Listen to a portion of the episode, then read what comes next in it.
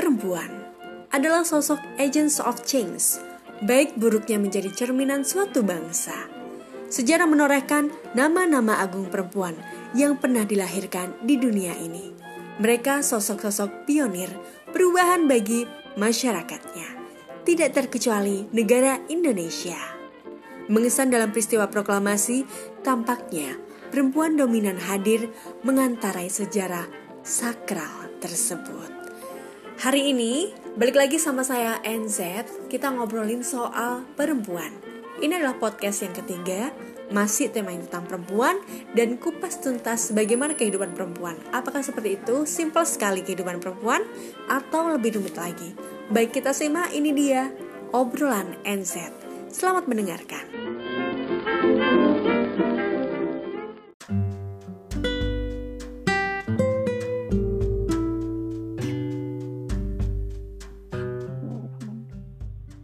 Hai, balik lagi dengan saya Rizky di obrolan NZ. Hari ini masih melanjutkan tentang topik perempuan. Saya kedatangan tamu spesial karena ini adalah seorang wartawati atau jurnalis dari salah satu media ternama. Nah, kita sambut ini dia Nia. Hai Nia. Halo Mbak. Iya, apa kabarnya?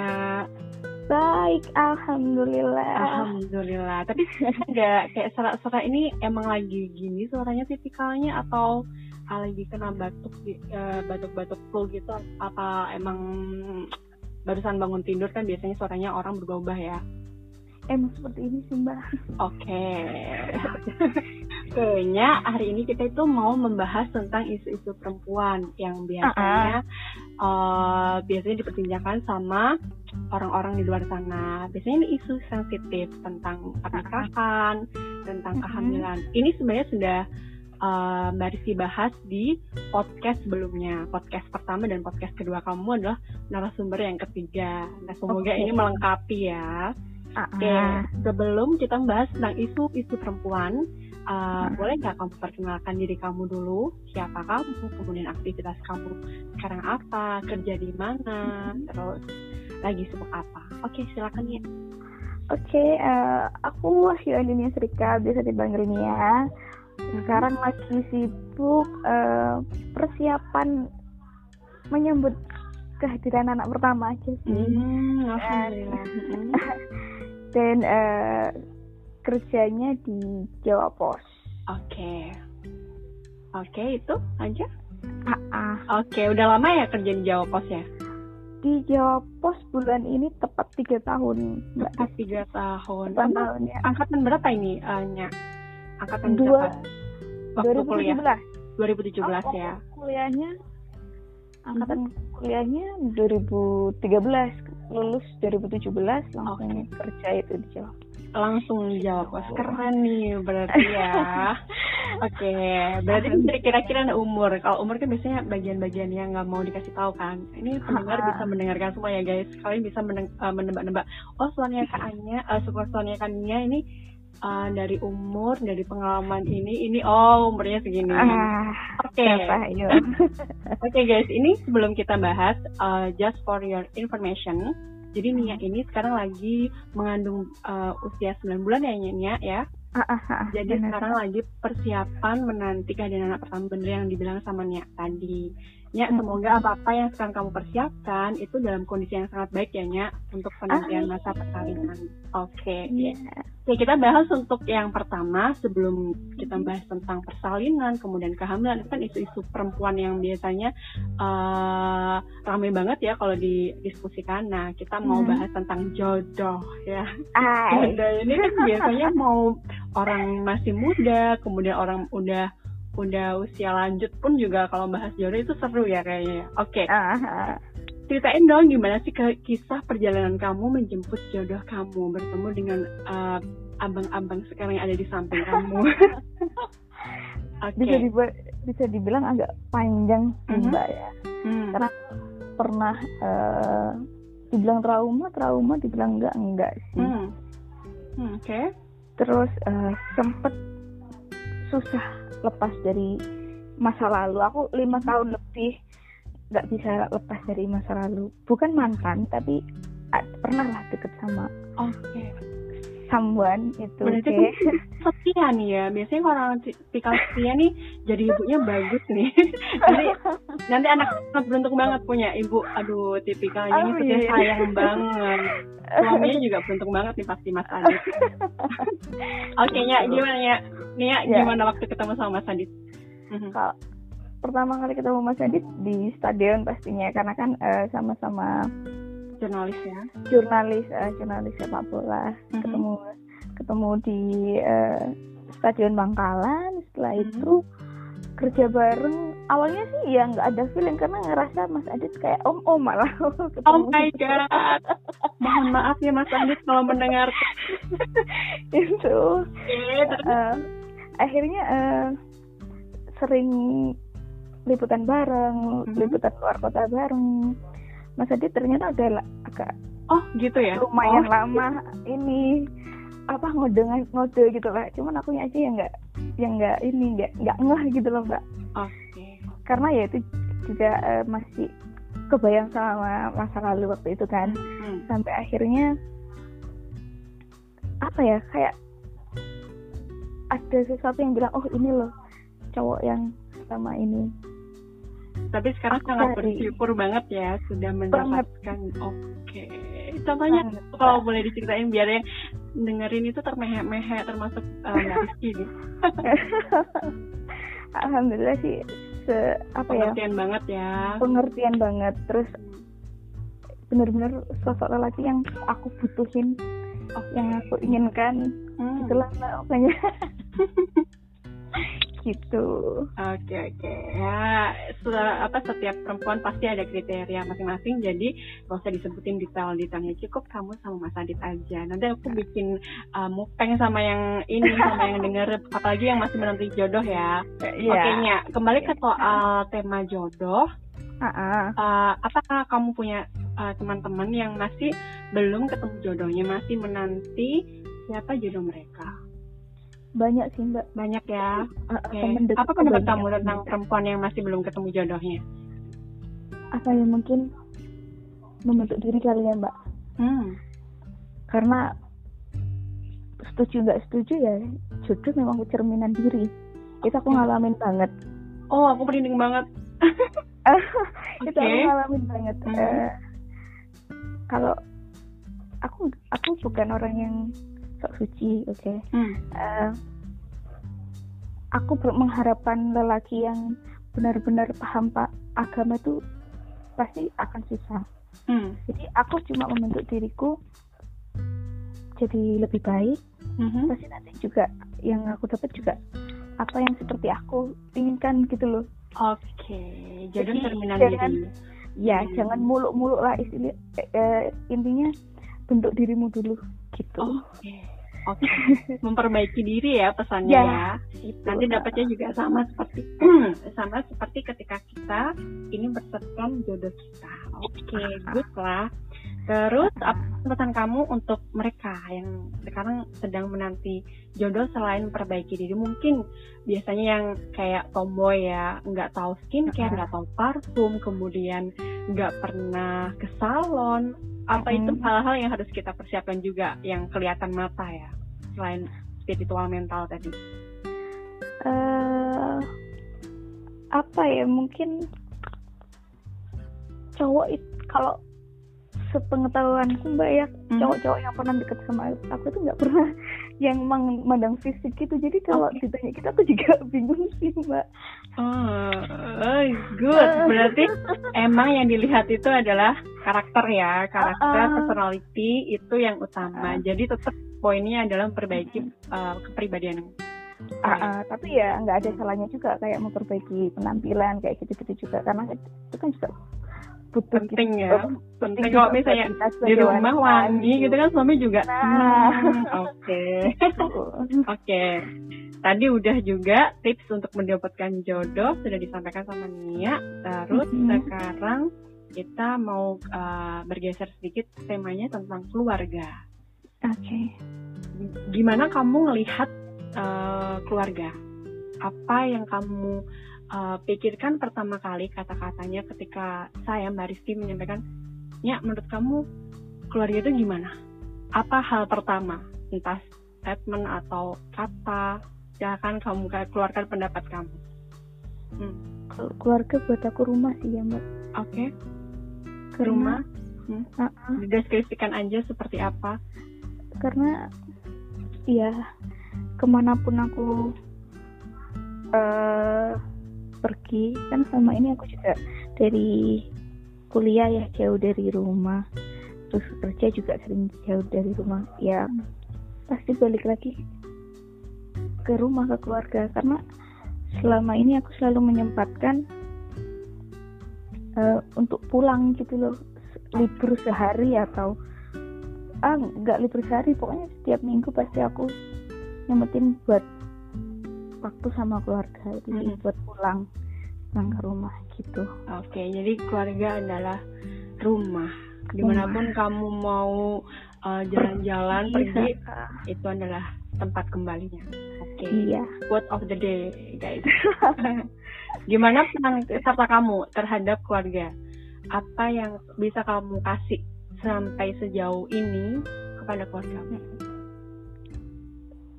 abstrak ya pertanyaannya ya. Masih banyak kurangnya sih mbak. Cuman hmm. karena kan aku udah nggak ada bapak. Oke. Okay. aku udah nggak ada bapak. Tinggal ibu sendirian. Hmm. usia berapa ya. Kalau mulai tahunya? Um, Bapak nggak ada? Udah tiga, tiga tahun sih mbak. November November juga nggak ada ini. Terus sedih ya padahal akan melihat cucu dari uh, kelahiran pertama kali dari rahim kamu. Wah pasti yeah. banget. Oke semoga nanti di sana ketemu dan wah ini uh, apa namanya uh, bahagia melihat wah udah punya cucu dan lain sebagainya. Doa yang terbaik untuk bapak ya. Iya. Oke, gimana peran serta kamu kembali soal pertanyaan itu? Pastinya bantu bantu uh, finansial ya hmm.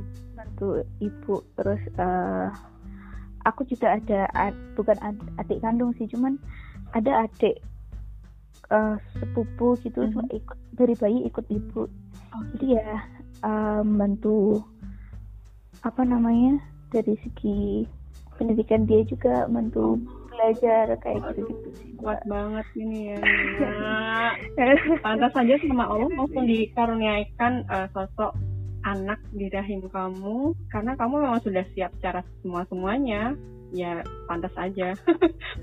Sudah cocok. Ada loh yang misalnya kalau misalnya uh, usia segini belum pantas belum ditemuin jodohnya belum juga dikasih hmm. anak ada banyak hal mungkin Allah sudah menilai oh ini nih sudah pas menjadi seorang uh, ibu karena kemampuannya begini begini begini. Amin. Mudah-mudahan seperti itu. Oke, okay.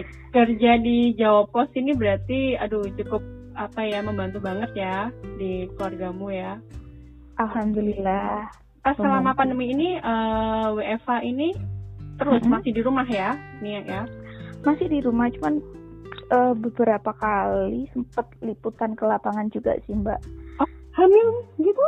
Iya, aku uh, oke okay. ikutan ke lapangan waktu mm-hmm. terakhir sih waktu hamil tujuh bulanan kali ya. Oh. Ya, tujuh bulan tuh aku sempet ke lapangan sekali. Oh, luar biasa luar biasa. Nanti yang di dalam perut jadi strong banget udah dibawa ke mana-mana. Ke mana pas waktu itu liputannya? Waktu itu liputan ke Bangkalan kan kebetulan Bangkalan. kami suami rumah di Bangkalan juga hmm. jadi pas waktu itu main ke rumah uh, orang tua mertuaku hmm. di Bangkalan terus ada tugas dari kantor liputan wawancara ke salah satu pemain Madura United hmm. mbak jadi aku samperin ke lapangan langsung. Hmm. gitu. Ini kalau boleh tahu nih cewek suka sepak bola. Kenapa -hmm. coba? Apa ya? Aku dari istilahnya dari brojol ya mbak. Udah hmm. ini sepak bola. Soalnya kan bapakku suka sepak bola terus hmm. masku dulu juga sempet main sepak bola gitu jadi ya kebawa kali ya sampai okay. sekarang berarti gitu. pas waktu menjadi uh, wartawan Jawa Pos ini bapak -hmm. masih menyaksikan kamu jadi jurnalisnya Jawa Pos ya Enggak sempet jadi Enggak sempat, ya? Bapak meninggal dapat tiga hari aku dapat panggilan dari Jawa Pos oh ya Allah. Gitu. oh, aku merinding banget ya. Kalau pas inget-inget gini pasti kayak pengen nangis. Nggak apa-apa nangis aja. Itu hal biasa walaupun itu masih tiga tahun empat tahun yang namanya bapak. Sama bapak deket banget ya dekat banget. Eh, deket sih bisa dibilang deket banget. Karena ya itu sama-sama suka bolanya mbak. Jadi kalau nonton Mhm. bola gitu dari kecil su- suka dibawa ke stadion kayak gitu gitu terus kalau mas masku lagi main itu diajak nonton. Hmm. sampai eh, satu bulan sebelum bapak meninggal tuh masih ini eh, suka nonton bareng di TV tapi karena Oh, kan sakit bapak jadi hmm. nggak bisa lihat langsung gitu. Hmm. emang deket banget sih. Iya, itu persembahan terbaikmu untuk bapak ya. Di alam ya Oke, ini kalau ditanya-tanya eh, suka sepak bolanya sepak bola yang eh, nasional atau internasional? dua-duanya sih Dua-duanya ya. Uh, uh, cuman kalau uh, lebih ininya ke Indonesia ke lokal Oh, lebih oke. pahamnya istilahnya lebih pahamnya ya. lebih paham lebih ngerti sepak bola Indonesia gitu. Oke, ini adalah apa namanya wartawan atau jurnalis yang tulisan-tulisan kalian nih para cowok ini kalau dengerin podcastnya Mbak Rizky ya, ini tuh ini loh orangnya yang nulis tuh ini. Bisa didengarkan kan suaranya? Yang biasanya pertama itu orangnya ramah-ramah gitu. Nah ini salah satu bandnya tuh kayak gini. Oke. Tadi kalau sudah ngomongin soal seberapa dekat sama bapak sekarang seberapa dekat eh, Nia sama ibu? Sama ibu gitu Uh, Hmm. seberapa dekat sama ibu? Gimana ya mbak? Aku nggak seberapa dekat sama ibu dulu karena apa ya ce- sama-sama cewek sama-sama cerewet gitu Hmm. kan.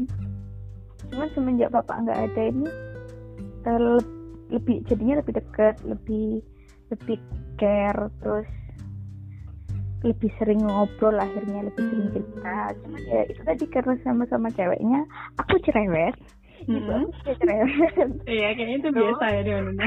Oke. Jadi Rizky tuh punya eh, kembaran ya. Rizky itu punya Uh-uh. kembaran namanya Oh, Rizka. ah, ah, ah. Itu deket banget. Sama ibu juga deket. Jadi kalau misalnya uh, sama ibu itu biasanya kayak suka rebutan gitu. Nah, deketnya itu nggak bisa digambarin. Bahkan Ah, baju itu bisa tuker-tukeran. Punyaku, punyanya Rizka, punyanya ibu. ibu. Itu sampai kadang bapak itu manggilnya salah. Eh, aku pakai bajunya ibu itu dipanggil bu gitu loh. Eh ternyata Ah. anakku gitu. Saking deketnya sampai segitunya juga. aku juga gitu mbak tapi lebih ke ini sih make up karena kan Oh, ibu aku up. eh rias pengantin kan Pantes Punya. pas waktu datang itu cantik semua ya ibunya sama Nia. Ini aku dan batin waktu itu. Ini ibunya masih kelihatan muda nih. Makeupnya bagus banget gitu. itu jadi kalau aku pulang eh, ke rumah gitu aku punya Hmm. make up baru atau ya pokoknya produk make up baru ibu tuh langsung bilang eh itu bisa dipakai ibu enggak kayak gitu loh mbak Oh, ya itu berarti deket banget gitu nih ya. ya deketnya kayak gitu sih. Itu yang bikin kangen biasanya ke rumah itu ya itu hal-hal yang Ah. biasanya uh, bikin ribut tapi itu yang ngangenin. ah ah, benar Terus uh, gimana nih perasaan kamu saat sekarang udah hamil uh, gede, udah hamil 9 bulan, berapa 9 bulan pas eh berapa minggu? Ya. Nia, tiga puluh tujuh eh iya ya 37 tiga tujuh minggu minggu. Oke. Ah, ah, 37. Prediksi berarti satu mingguan lagi atau dua minggu. Kan nggak ada yang tahu ya. Pokoknya pecah ketuban itu ya sudah berarti harus sudah dibawa ke UGD persiapan melahirkan. Nah, Iya. perasaan kamu nanti nih kalau sudah menjadi sosok seorang ibu, apakah kamu akan menjadi sosok yang sama seperti kamu lihat dari ibumu? Yang tadi Eh. cerewet-cerewetnya, yang suka merias-meriasnya, gitu. Kalau cerewet pasti mbak Hmm. dan aku sama suami tuh udah eh, dari apa ya dari hamil awal itu Mhm. sambil kan aku biasain ngobrol sama bayi di dalam perut ya Mhm. itu selalu bilang maaf ya kalau nanti kita jadi orang tua yang banyak aturan Hmm. banyak jadi orang tua yang bakal cerewet yang yang banyak apa ya pokoknya jadi orang tua yang akan keras ke kamu gitu itu sih Oh gitu ya. jadi Berarti emang banyak udah- apa ya udah di sounding dari umur masih empat bulan. Uh, usia anak itu uh, yang udah ada ruh jiwanya itu usia empat bulan ya? ya? Empat bulan. Empat bulan itu berarti oh, udah dari usia itu kamu sudah sounding ya? Udah. Uh -uh. Maaf ya nanti kalau udah keluar dari rahimnya ibu, uh, -uh. ibu nanti panggilnya ibu atau bapak atau apa? Rencananya ayah sama Buna sih. Oh lucu banget. ayah sama Buna gitu. Nah, ini onti nanti sama Om Dio kan ya? ya, ditunggu nanti itu tangannya tante. Oke, terus uh, Buna pesan-pesannya kalau nanti untuk anak ini ada di dalam kandungan apa nih ketika sudah usia lima tahun yang udah bisa diajak ngobrol ya kemudian mengajak usia SD kemudian ini supaya bisa jadi kenang-kenangan di masa nanti gitu uh, jangan niru yang jelek-jelek dari bunda dan ayah mm-hmm. harus jadi lebih baik dari bunda dan ayah mm. terus harus bisa menghargai orang lain mm-hmm. harus apa ya? Itu sih mbak intinya. Ya pokoknya, pokoknya segala sesuatu yang terbaik yang lebih uh, baik dari orang tuanya. Uh, uh, baiklah. Oke okay. sekarang harapan terbesar dalam 10 tahun ke depan. Baik karir keluarga kemudian finansial kemudian spiritual hmm. apa yang akan kira-kira kamu bakal susun dari 10 tahun sekarang? Kalau dari segi karir sih pengennya masih tetap uh, di dunia jurnalistik utamanya sport jurnalistik gitu pasti. Uh, terus pengen punya apa ya mbak investasi entah itu tanah entah itu rumah itu pengen banget aku sama uh, suami terus dia mikirin ke situ dan pastinya menyisikan dana pendidikan untuk anak. Oh. Itu dimulai itu dimulai, udah, udah mulai dari sekarang sih cuman ya untuk 10 tahun ke depan berharapnya itu sudah mulai lebih lebih banyak lah untuk tabungan hmm, pendidikan anak. Terus uh, kalau untuk keluarga mungkin lima tahun ke depan sudah ada dedeknya dedek yang di dalam perut ini. Sehat walafiat tentunya ya. semuanya oke. Okay. terus ini nanti uh, kamu pas melahirkan nih uh, bakal memilih persalinan apa? Normal atau sesar pengennya normal kalau hmm. bisa normal uh, kemarin waktu terakhir kontrol juga insya Allah bisa normal hmm. cuman kan segala sesuatunya di luar prediksi kita ya. ah, ya iya. jadi ya harus dipersiapkan semuanya karena kan uh, itu hal yang memang nggak bisa di ini kan mbak ya, uh, uh, dikontrol sama kita di luar kendali kita okay. uh, uh, jadi kalau harus sesar ya it's okay gitu mm -hmm. Menurut kamu berarti nggak ada yang lebih baik di antara normal atau sesar? Semuanya baiknya itu berdasarkan kondisi kesehatan ibu dan anak. Yang penting yang terbaik buat ibu dan anak ya. Benar, benar. Sama-sama punya resiko sih mbak dua ini. Mm-mm. Terus kiat-kiat kamu untuk mempersiapkan fisik kamu terutama menjelang persalinan ini gimana? Kalau aku uh, pernah dengar-dengar cerita nih ya, uh, mm-hmm. atau lihat-lihat video YouTube itu uh, supaya persalinannya normal itu squat squat yang sampai berapa ratus kali gitu sehari oh. habis 100 kali gitu dimulainya usia kandungan 35 minggu jadi nanti uh, apa ininya pinggulnya itu supaya gampang terus sama pemijitan di daerah perineum ya gitu kalau aku sih mbak dari mm-hmm. tujuh bulan itu udah disaranin sama bidan mm-hmm. itu untuk jalan kaki hmm. soalnya berapa menit? ya, itu. Paling enggak sehari 15 atau 30 menit. Lihat kondisi kita juga ya. Oh gitu. So, terus uh, jalan kaki. Mm-hmm. terus aku juga senam pakai jimbol gitu. Mm-hmm. itu mulai tri semester 3 mm-hmm. buat bantu uh, biar nggak sungsang sama cepet turunnya ke panggul si dedeknya oh, ya. uh-uh.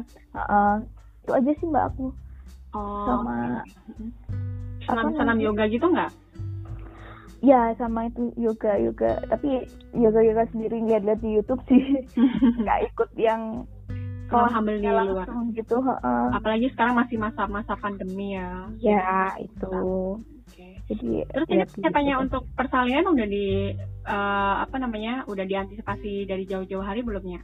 Kayak misal gimana gimana persiapan kehamil apa per- ke- persiapan persalinan.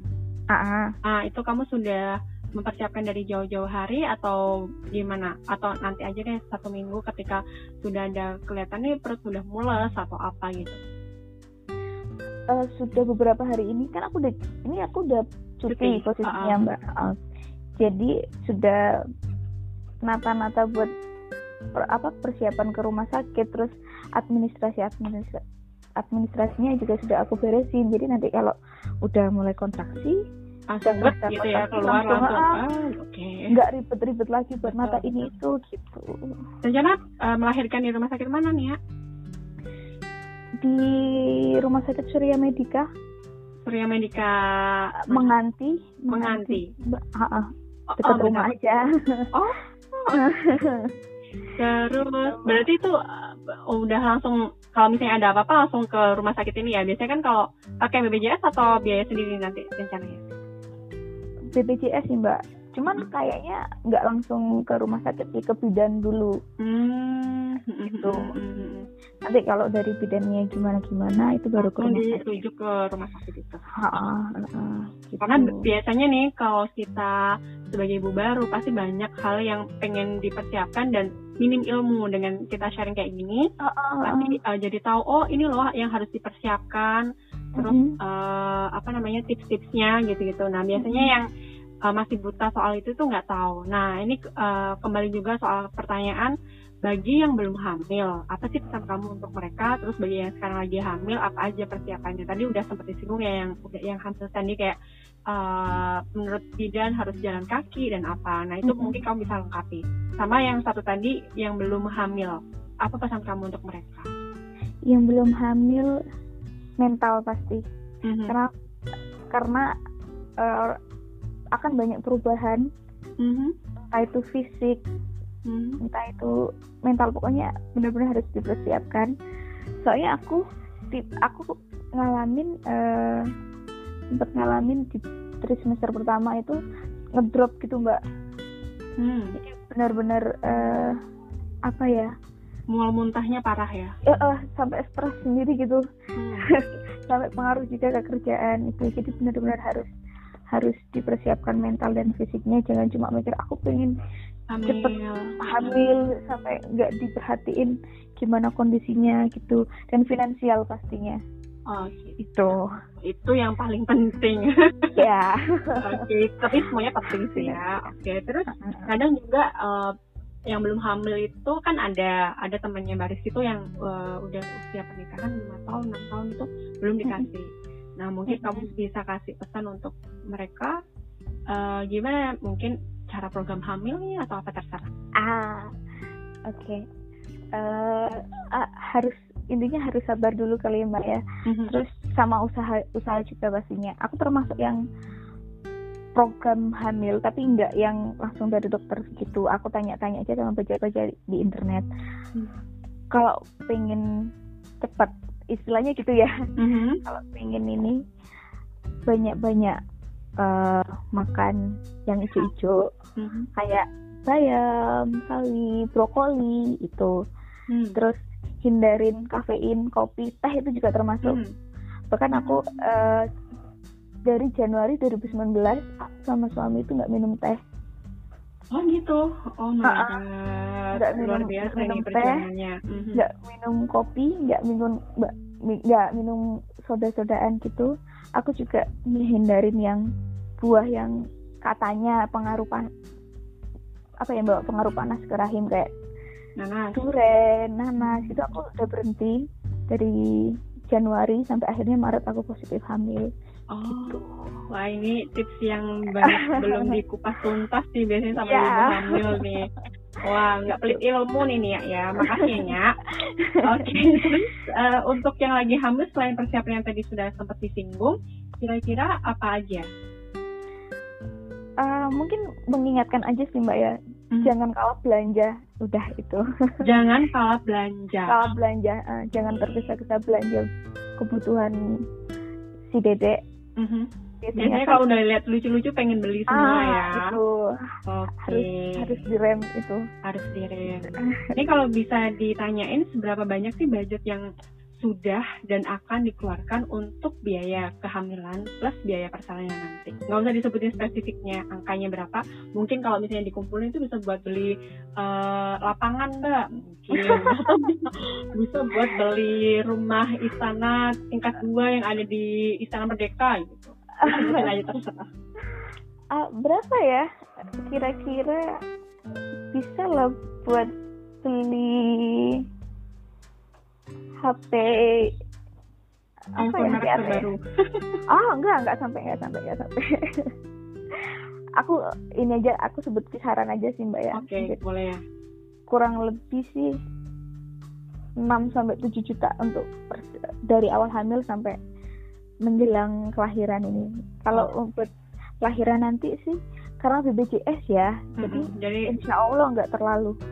Terbantu sedikit. Ah ah ah ah, gitu. Jadi bagi kalian yang belum punya BPJS atau BPJS masih uh, ditunggak-tunggak itu segera dilunasi ya. Ah.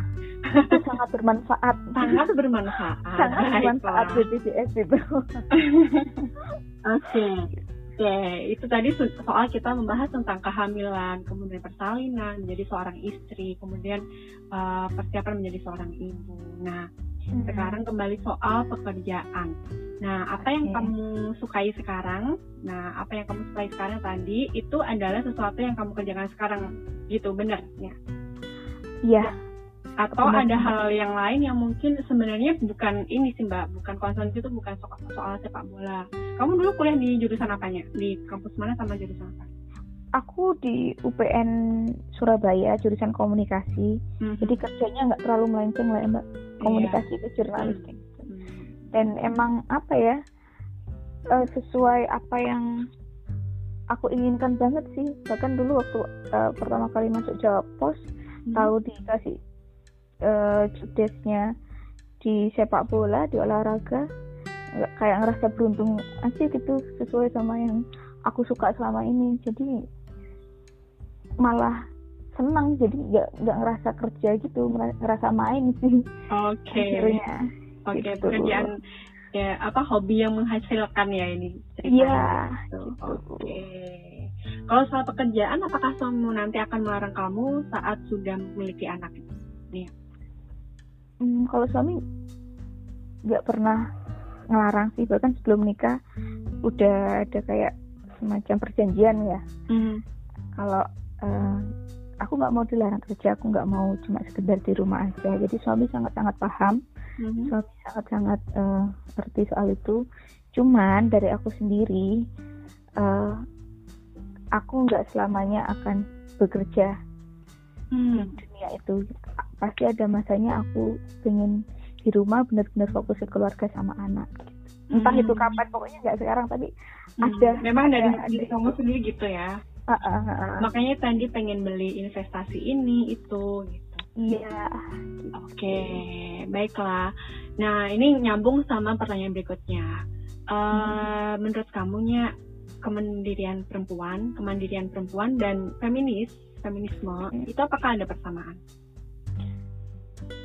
menurutku sama sih mbak karena kan eh, ya kemandirian perempuan itu bagian dari feminisme karena kan feminisme apa ya kesetaraan gender kan ya Mhm. Eh, nggak membeda-bedakan terus apa ya Em, ya intinya itu mah nggak membeda-bedakan antara cewek sama, sama, cowok sama bisa Uh-uh. seperti eh, laki-laki ya yang bisa Uh-uh, dilakukan laki-laki uh-uh. itu juga bisa yang dilakukan perempuan. Heeh.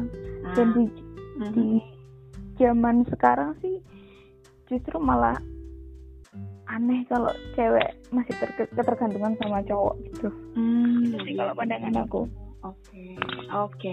Jadi kalau misalnya ngomongin soal pekerjaan, kamu jadi jurnalis, udah Hmm. keliling di kota mana aja, Nia?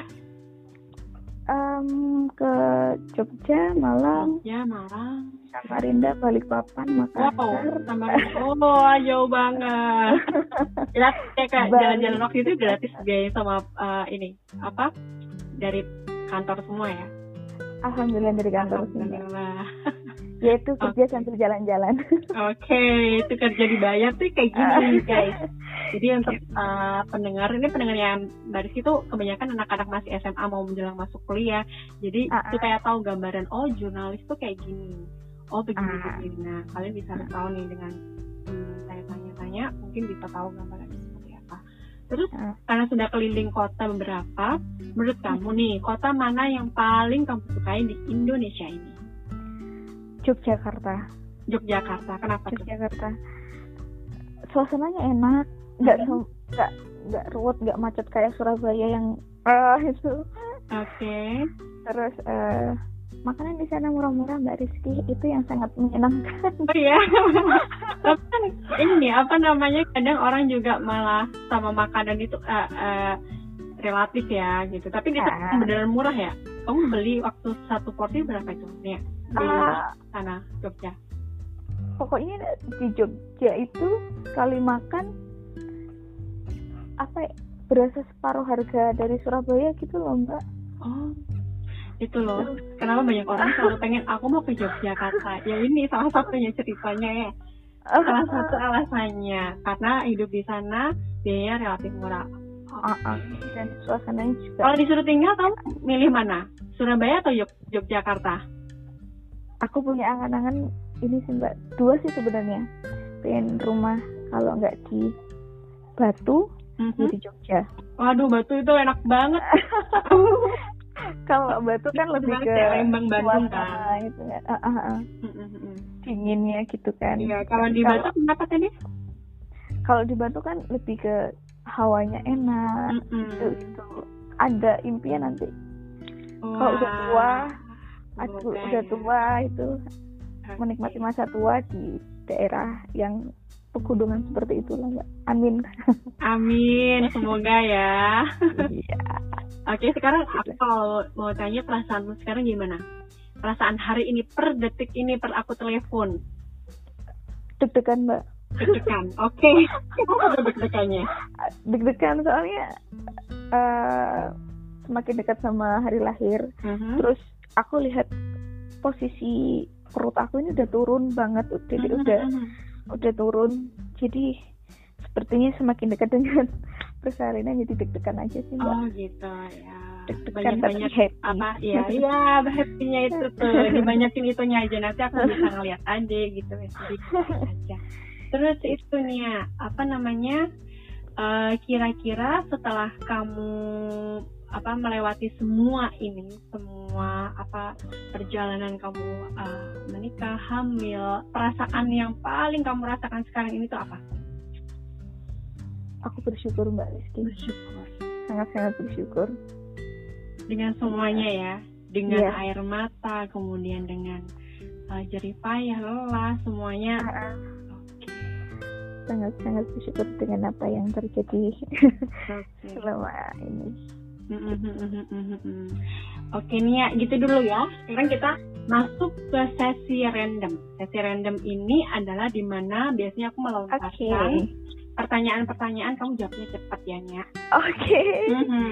jadi Siap. ini ada sekitar lima ya lima pertanyaan Kamu Oke. disuruh memilih anak cewek atau anak cowok? Ah, susah ini. Ya Allah. Gak boleh pikir lama. Satu, dua. Eh, cowok. Oh, oke. Kita lihat ya apa yang eh, jenis kelaminnya yang ada di perut sekarang itu nggak tahu. Jadi, oke. Kalian nanti bisa tebak-tebakan nih sama Nia. oke, terus eh, warna kesukaan hitam atau putih? Hitam. Oke, hitam. Sekarang eh, ada sangkut pautnya sama pekerjaan kamu. Oke. Ini mungkin ini bukan uh, fanatik ya, fanatik ke klub-klub uh, sepak bola apa gitu, tapi ini aku melantarkan uh, cukup random aja, random. Oke, oke. Oke, MZU ya, Manchester United atau uh, Juventus. Juventus. Juventus, oke. Terus ini terakhir uh, bekerja atau tidak bekerja? Bekerja. Bekerja. Tadi udah sempat disinggung pertanyaan. Ah. Oke, gitu dulu nih ya. Sesi kita diskusi hari ini di obrolan NZ. Terima kasih atas waktunya dan Mbak NZ akan um, Mbak Rizky akan mendoakan segala sesuatunya yang terbaik untuk kamu dan kecil nanti. Uh, terima kasih ya Nia ya atas Sama-sama, diskusinya Mbak. panjang lebarnya, ketawa ketiwi barengnya. Semoga ini juga menjadi kenangan nanti Hamin sekian hari, nah jadi waktu itu uh, Bunda ini diwawancarai lagi besar-besarnya, lagi menikmati rasa deg-degan, diwawancarai ada je- jejak ininya, digitalnya, dan bisa didengarkan sama keluarga sa- pas waktu kamu nanti sudah ada sekecil ya. Oke, Ah, ah. semuanya sehat-sehat, um, dibawa terus doa, salam buat keluarga sama suami. Terima kasih Nia, Assalamualaikum. Waalaikumsalam.